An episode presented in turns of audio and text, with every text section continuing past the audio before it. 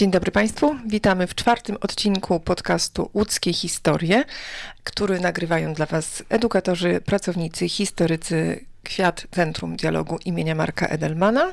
Adam Sitarek. Michał Adamiak. I Justyna Tomaszewska. Dzisiaj będziemy opowiadać Państwu i porozmawiamy trochę na temat początków przemysłowej Łodzi. Staramy się, żeby te pierwsze kilka odcinków naszego podcastu opowiadało w miarę zwięzły historię powstania naszego, naszego miasta. I dzisiaj chcielibyśmy się skupić na tym pierwszym okresie budowy łódzkiego przemysłu. Mówiliśmy o starym, średniowiecznym miasteczku, mówiliśmy o czasach kryzysu, ten moment do końca XVIII wieku. No i dzisiaj powiemy o tym, jaki przemysł i gdzie powstawał w Łodzi temat nam się bardzo ładnie zazębia z wcześniejszym odcinkiem, bo myśmy tam już zaczęli mówić trochę o tych początkach Łodzi Przemysłowej. Ty tak. pytałeś o y, pana y, nie no, ja nie wypowiem tego imienia i nazwiska Justyna, jakbyś mógł... Nie, powiedz. Powiedz Rajmund Rębieliński. Rajmund Rębieliński. Dobrze, powiem to. Nie, no dobra, powiem, co mi tam szkodzi, tak nie widać mojej twarzy, więc... Na, naszych też. Na zdjęciach będę się potem podpisywał pod twoimi zdjęciami, że to jestem ja, Adam, to Justyna jest bezpieczna. E, pomnik Rajmunda...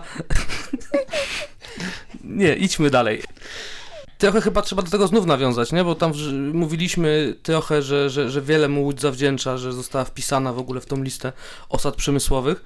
E, no i teraz trochę jak to, jak to było, dlaczego wybrał Łódź, chyba jak, to, jak ta nowa osada w zasadzie, czy nowe miasto, nazwijmy to może w tą stronę, bo też były różne nazwy, jak to się rozwijało, bo też nie sama ten obszar wokół Placu Wolności dzisiaj będzie naszym tematem, tylko też będziemy mówić o tych pierwszych osadach e, tkackich, tych pierwszych osadach takich przyfabrycznych w zasadzie, tak? I, to jak to wpłynęło na urbanistykę e, na urbanistykę miasta. Więc jakbyśmy mogli, Justyna, jakbyś mogła mi pomóc i skończyć temat. Rajmund Rębieliński. Ale nie, skończyć temat tego, tych początków. Ja tutaj chwilę teraz odpocznę, bo, bo samo imię Rajmund też było dosyć trudne do wymówienia.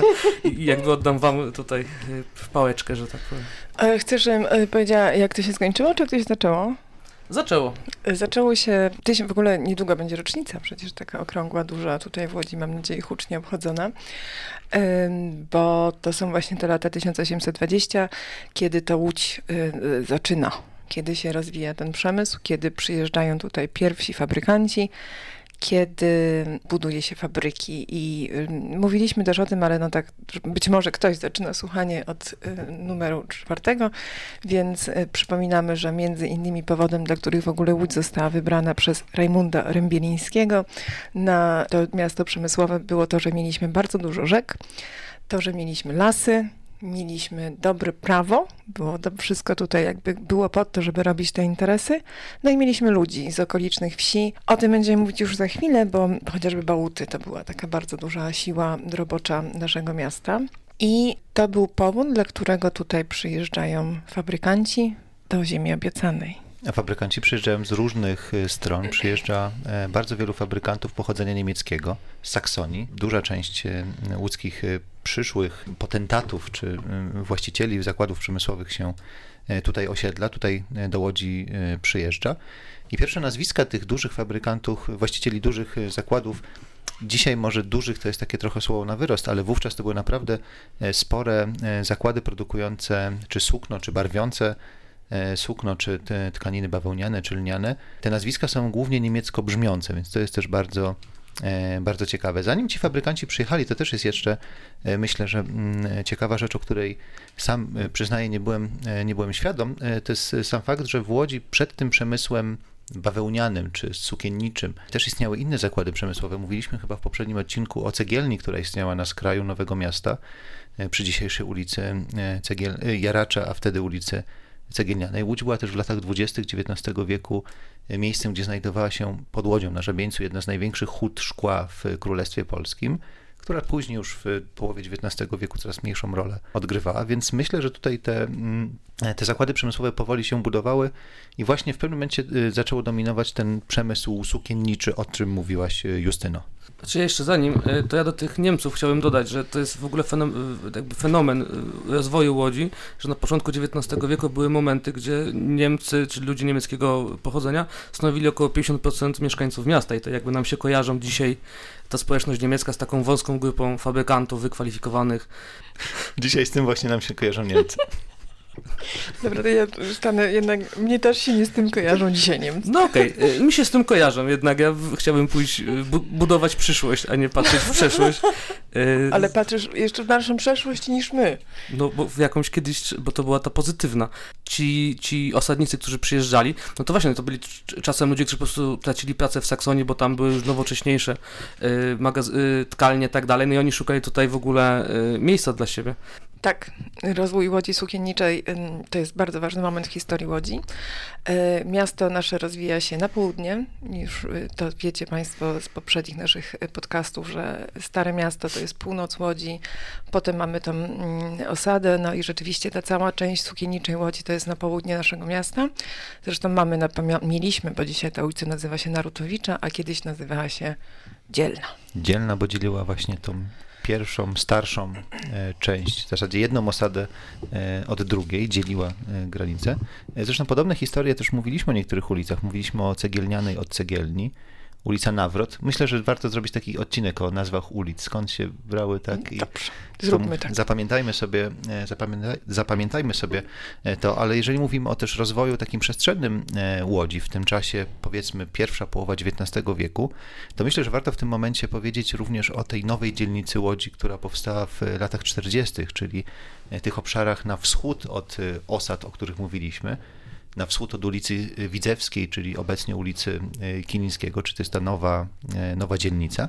I to jest bardzo ciekawe, że przy projektowaniu nowej dzielnicy, gdzie również nie wiem, czy Państwo wiedzą, i teraz moi tej współprowadzący, zagadka, brakowało tego, jaki jest pierwszy łódzki park, który powstał.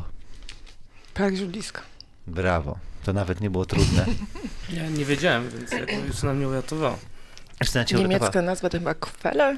Kwele, tak, tak Kwel, bo źródło, tak. ale Kwele mówili, mówili łodzianie. Zresztą język łódzki też jest bogaty w takie Może odcinek na zapożyczenia. Ten temat. Ojej, dużo inspiracji. Y, w każdym razie ta nowa dzielnica, która powstała na wschód od y, y, właśnie osad Sukienniczej i osady Tkackiej, dzielnica za ulicą dzisiejszą Kilińskiego, też została zaprojektowana zgodnie z układem urbanistycznym tej części przy ulicy Piotrkowskiej, czyli ulice krzyżujące się pod kątem prostym, co nie do końca pokrywało się z przebiegiem ulicy Widzewskiej. Jak Państwo spojrzą na zdjęcie lotnicze Łodzi, to zobaczą Państwo, że ulica Kilińskiego trochę przecina pod dziwnym kątem e, tamtą część e, naszego miasta i niektórzy e, mówią, że to jest taki Broadway łódzki. Jak w Nowym Jorku Broadway przecina nieregularne pod właśnie różnym kątem tą regularną siatkę Manhattanu, tak właśnie ulica Widzewska, ulica Kilińskiego przecina to łódzkie śródmieście. To jeszcze chyba dodaj, dodaj dokąd y, sięgała nowa dzielnica. Nowa no dzielnica sięgała tak do mniej więcej dzisiejszej wsi, znaczy dzisiejszego Widzewa, czyli wsi Widzew, tam się kończyła. Czy to będzie ulica Kopcińskiego, tak? Nie, mniej więcej ulica Kopcińskiego, okay. tak. Więc tutaj mówimy o tym rozwoju przestrzennym, ale powiedzmy teraz parę słów na temat ludzi, którzy przyjeżdżali. Zaczęliśmy mówić o osadnikach, zaczęliśmy mówić o tym, że e, do Łodzi przyjeżdżało wielu e, osadników e, z terenów niemieckich i faktycznie dużo osób w tamtym czasie więcej niż y, wydawałoby się było procentowo pochodzenia niemieckiego, nawet połowa w pewnym momencie łodzian y, to byli łódcy Niemcy. Część z nich bardzo szybko się polonizowała, część nie, pozostawała przy swoim i wyznaniu, i swoim pochodzeniu niemieckim. To też y, w tym burzliwym czasie powstania listopadowego też odgrywało duże znaczenie, bo nie wszyscy opowiadali się za powstańcami, za tym narodowo-wyzwoleńczym zrywem polskim, a raczej pozostawali przy swoim, czyli tej lojalności wobec zaborcy i chęci prowadzenia e, interesów. E, dlatego ci osadnicy e, pochodzący z Niemiec właśnie taką dużą, e, dużą rolę odgrywali. Teraz może kilka nazwisk warto wspomnieć, których my, którymi my kojarzymy właśnie ten pierwszy okres powstawania przemysłowej Łodzi. No myślę, że wszystkim kojarzy się oczywiście z tym początkiem y, wielki Ludwig Geier. To jest takie nazwisko chyba, które przychodzi nam na myśl jako jedno z pierwszych. To u niego przecież w fabryce działała pierwsza parowa maszyna w Łodzi. Nie wiem, czy kiedyś robiliście takie, mm, ja to bardzo lubię, nie wiem czemu. Lubię sprawdzać, ile kto ma lat, jak otwiera interes i potem jest żal. Wiecie, ile miał Gejer, jak przyjechał do Łodzi? 15. 23. 15. Tatuowalił mnie? 15. Co on? No ile miał poznański młody? No ale Poznań, a jak no, Ile miał młody gejer? No też mógł kiedyś 15. No miał, nie? myślę, że młody gejer miał kiedyś 15. Czy mówię Izrael, nie Kalman, o to mi chodziło, ale jak, młodym bo, jakby to też jest takie, moim zdaniem, bardzo ciekawe, bo my jak myślimy o tych fabrykantach, to przed oczami mamy pewnie te zdjęcia starego poznańskiego z brodą, czy właśnie już siwego Karola Scheiblera, czy Gejera, który już był starszym panem po 40. A jak on zaczynał tutaj interes, no to 23 lata i facet wybudował fabrykę. Takie Można? możliwości wtedy były. Ziemia obiecana w końcu. Scheidler też był bardzo młody, miał tam po 30 był. 33 chyba miał. w końcu nie pusty slogan, faktycznie wielu tych osób, ale tych y, nazwisk poza właśnie wspomnianych tutaj Scheibler to jest troszeczkę późniejszy okres, to są lata 60., kiedy e, w zasadzie Scheibler kwitło jego imperium, o tym będziemy na pewno jeszcze mówić, ale wśród tych nazwisk tej pierwszej lidze i tych pionierów y, polskiego, łódzkiego, przepraszam, przemysłu, tutaj myślę, że warto wymienić na przykład y, Tugota Lange, czy Langego, Kopisza, Kopisza. Wendisza to tak. są takie nazwiska. Kopisz, Kopisz, Wendisz, to są te nazwiska, które w zasadzie dzisiaj wam, nam niewiele, e, niewiele mówią. E, Z pewnymi miejscami się kojarzą. Ten Bielnik na ulicy Tymienieckiego, Tam pierwszy, Centrum Dialogu miało pierwszą siedzibę. Toksyczne farby w Dokładnie, stropach. dlatego bardzo krótko. Tak, ale to są właśnie te nazwiska, które kojarzą się z tym samym początkiem tych pierwszych takich, można powiedzieć, niespektakularnych, niewielkich zakładów przemysłowych, bo Geyer oczywiście to jest e, twórca tego pierwszego wielkiego imperium przemysłowego. To może jeszcze wyjaśnimy, gdzie była fabryka Gejera. Michale? To jest biała fabryka, to jest proste pytanie. Brawo! To jest ulica Piotrkowska. Już pod koniec Piotrowskiej. Tak. Tak, Piotrkowskie, Po- Piotrkowskie zresztą em, tam te rejony były bardzo obfite w e, te korzystne warunki geograficzne i hydrologiczne, dlatego tam właśnie powstawało tak wiele nad rzeką Jasień, bo to jest e, bardzo, bardzo istotna informacja. Rzeką Jasień powstawało wiele tych e, pierwszych zakładów e, przemysłowych, właśnie tak samo Bielnik, Kopisza, ten mały zakład Wendisza, tak, e, też powstawał ta farbiarnia Langego, od której zresztą pochodzi dzisiejsza nazwa ulicy Czerwonej, bo on jako pierwszy sprowadził do A Łodzi nie opowiadaj, nieznany... nie opowiadaj. To w tym odcinku o miejscach opowiemy. Zróbmy mi Państwa teraz taki...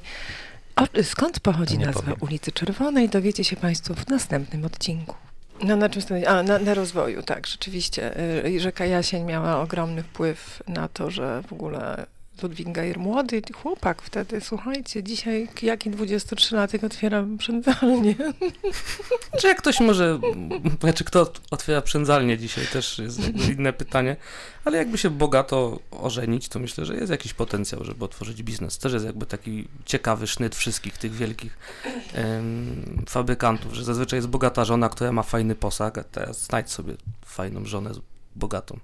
Trudno, no, wtedy też było chyba To łatwiej, nie prawda, wiem, nie, tak. nie wiem Inne czemu, czasy. inne czasy. Y, Natomiast wracając do tych y, jasienia, no to też jest chyba tak, że jak powstawało to nowe miasto, czyli kojarzone Plac Wolności, że to jest to centrum tej nowej Łodzi, no to niejako równolegle z tym powstawała osada właśnie taka tkacka nad Jasieniem i to nie było tak, że to było wszystko zabudowane tak jak jest teraz, że mamy budynki i to przylega, tylko w zasadzie były to osobne osady od, oddzielone polami czy, czy, czy tam lasami, łąkami, więc to jakby rozbudowa miasta polegało na tym, że potem na Łódź jakby powstawały nowe budynki, które złączyły te dwie osady, które początkowo nie były z sobą zupełnie zabudowaniami złączone. Zresztą e, jest to jakieś takie, e, moim zdaniem, unikalne dla Łodzi, że, że, że to właśnie tak powstawało takimi wyspami, które potem zabudowywały się do siebie, jakby do środka, a nie tak jak zazwyczaj miasta mi się kojarzą, że jest Mhm. centrum, które się rozrasta na kolejne przedmieścia, tylko tutaj te przedmieścia jakoś łączyły się.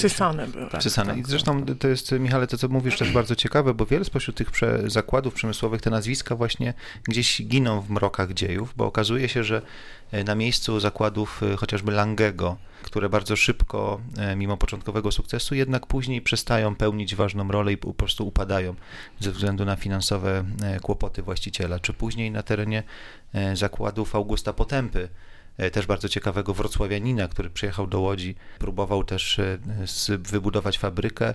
Drewno, które dostał za darmo na budowę tej fabryki, sprzedał nielegalnie e, i później nie wiadomo, co się, e, co się z nim e, stało. Ta historia też jest taka e, tutaj niejasna i na gruncie, e, na gruntach należących właśnie do Potęby e, później Geyer budował swoje, e, swoją potęgę, więc tutaj nie tylko było, że były zakłady oddzielone od siebie e, pustymi miejscami, ale także te zakłady były przejmowane, dzisiaj byśmy powiedzieli restrukturyzowane, e, reprywatyzowane.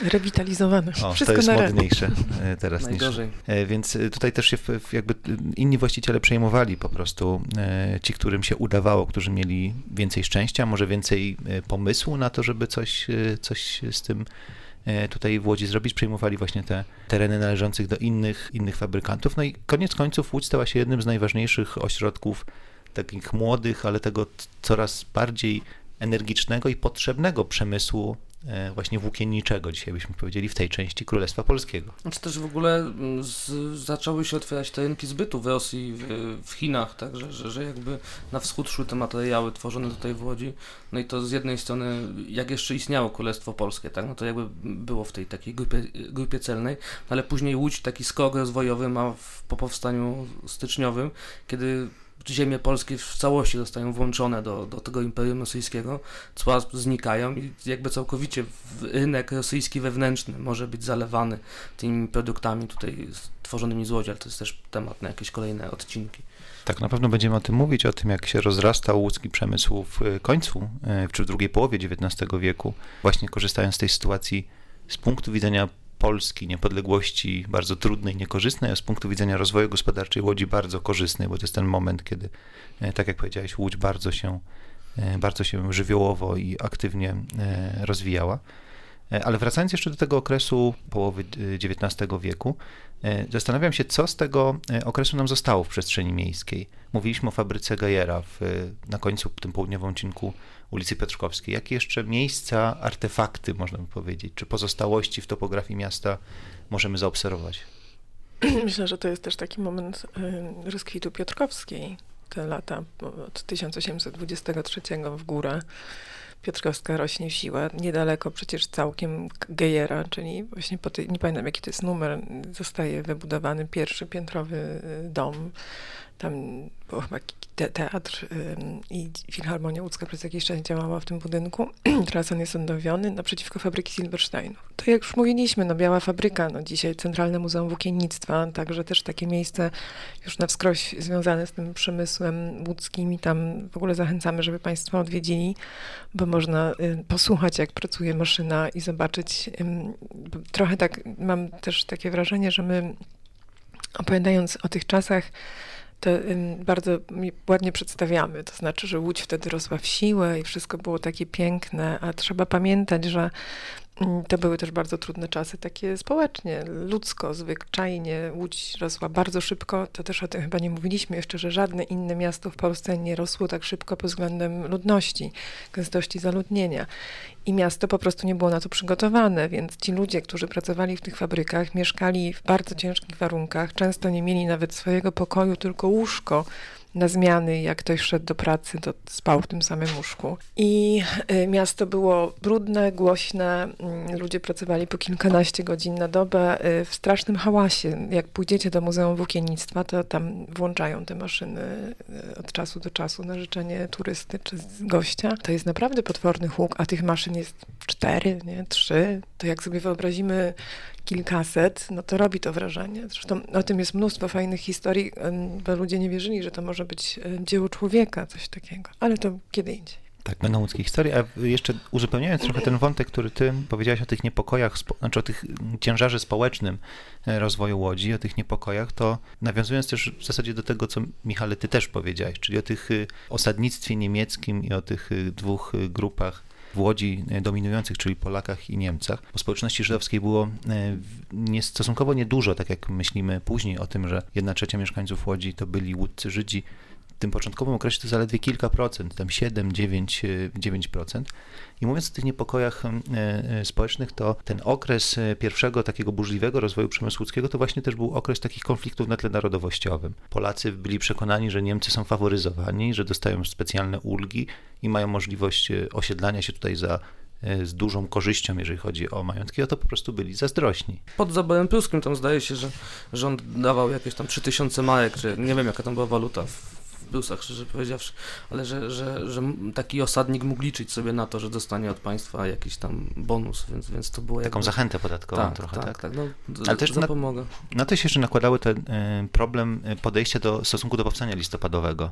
Nie wiem, czy pamiętacie, ale właśnie ten słynny y, marsz polskich chłopów, polskich robotników na kościół w Świętej Trójcy na Placu Wolności dzisiejszym, y, gdzie w grudniu 1830 roku odbywało się nabożeństwo, i Polacy bardzo niezadowoleni z tego, że pastor na nabożeństwie bardzo krytycznie wypowiadał się o powstańcach.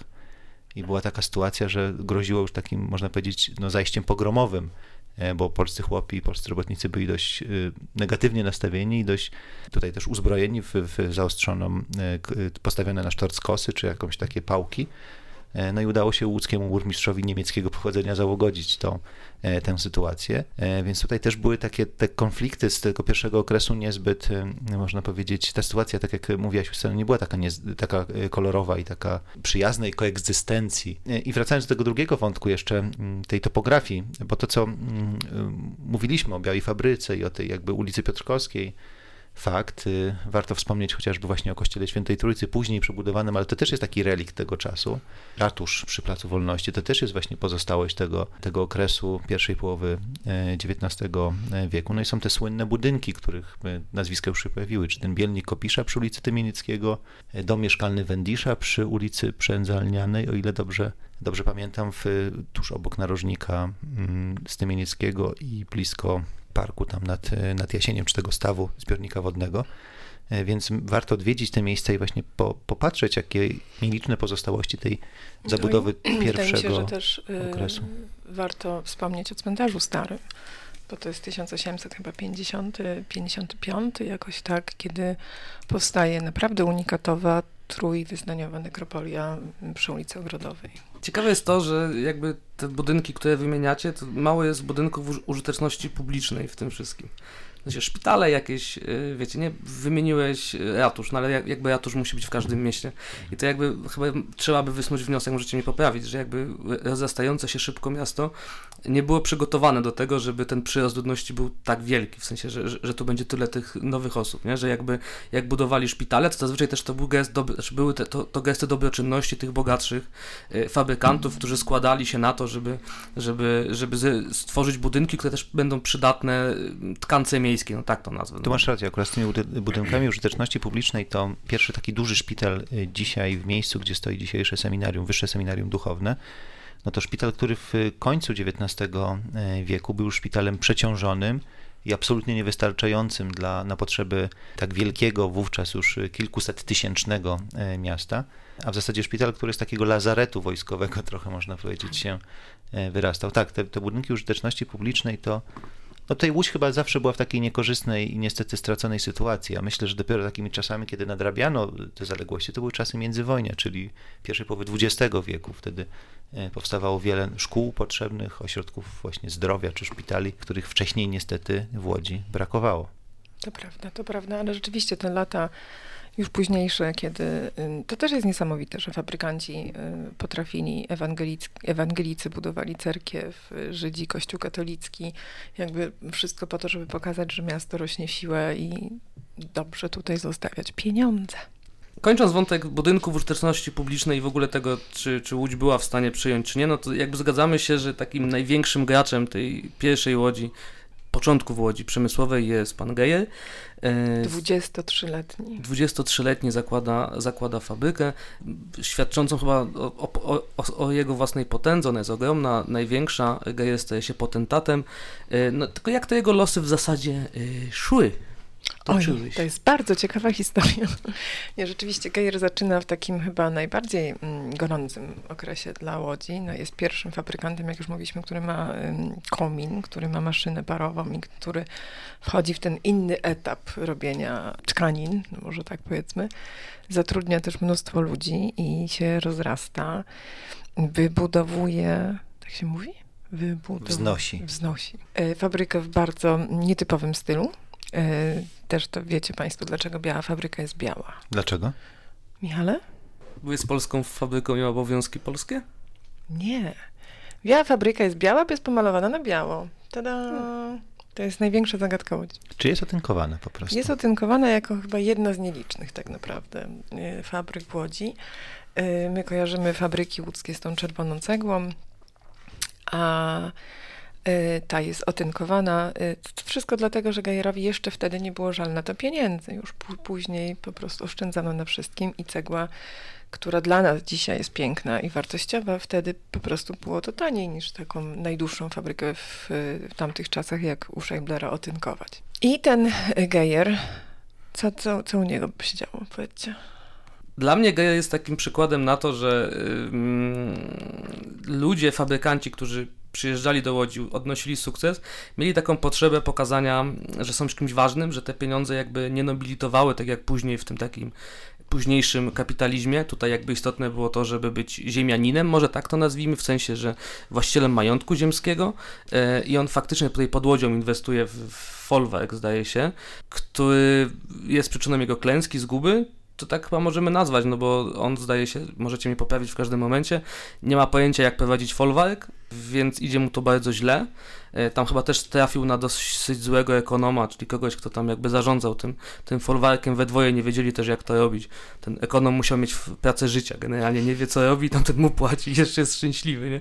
Że, ma, że, że ma swoje własne gospodarstwo. No ale finalnie jakby te zyski z tej fabryki y, stają się coraz mniejsze, bo też konkurencja w Łodzi się zwiększa. Gaja jest tym pierwszym i, i, i faktycznie jakby staje się w pewnym momencie prawie, że monopolistą, powiedzmy, tak?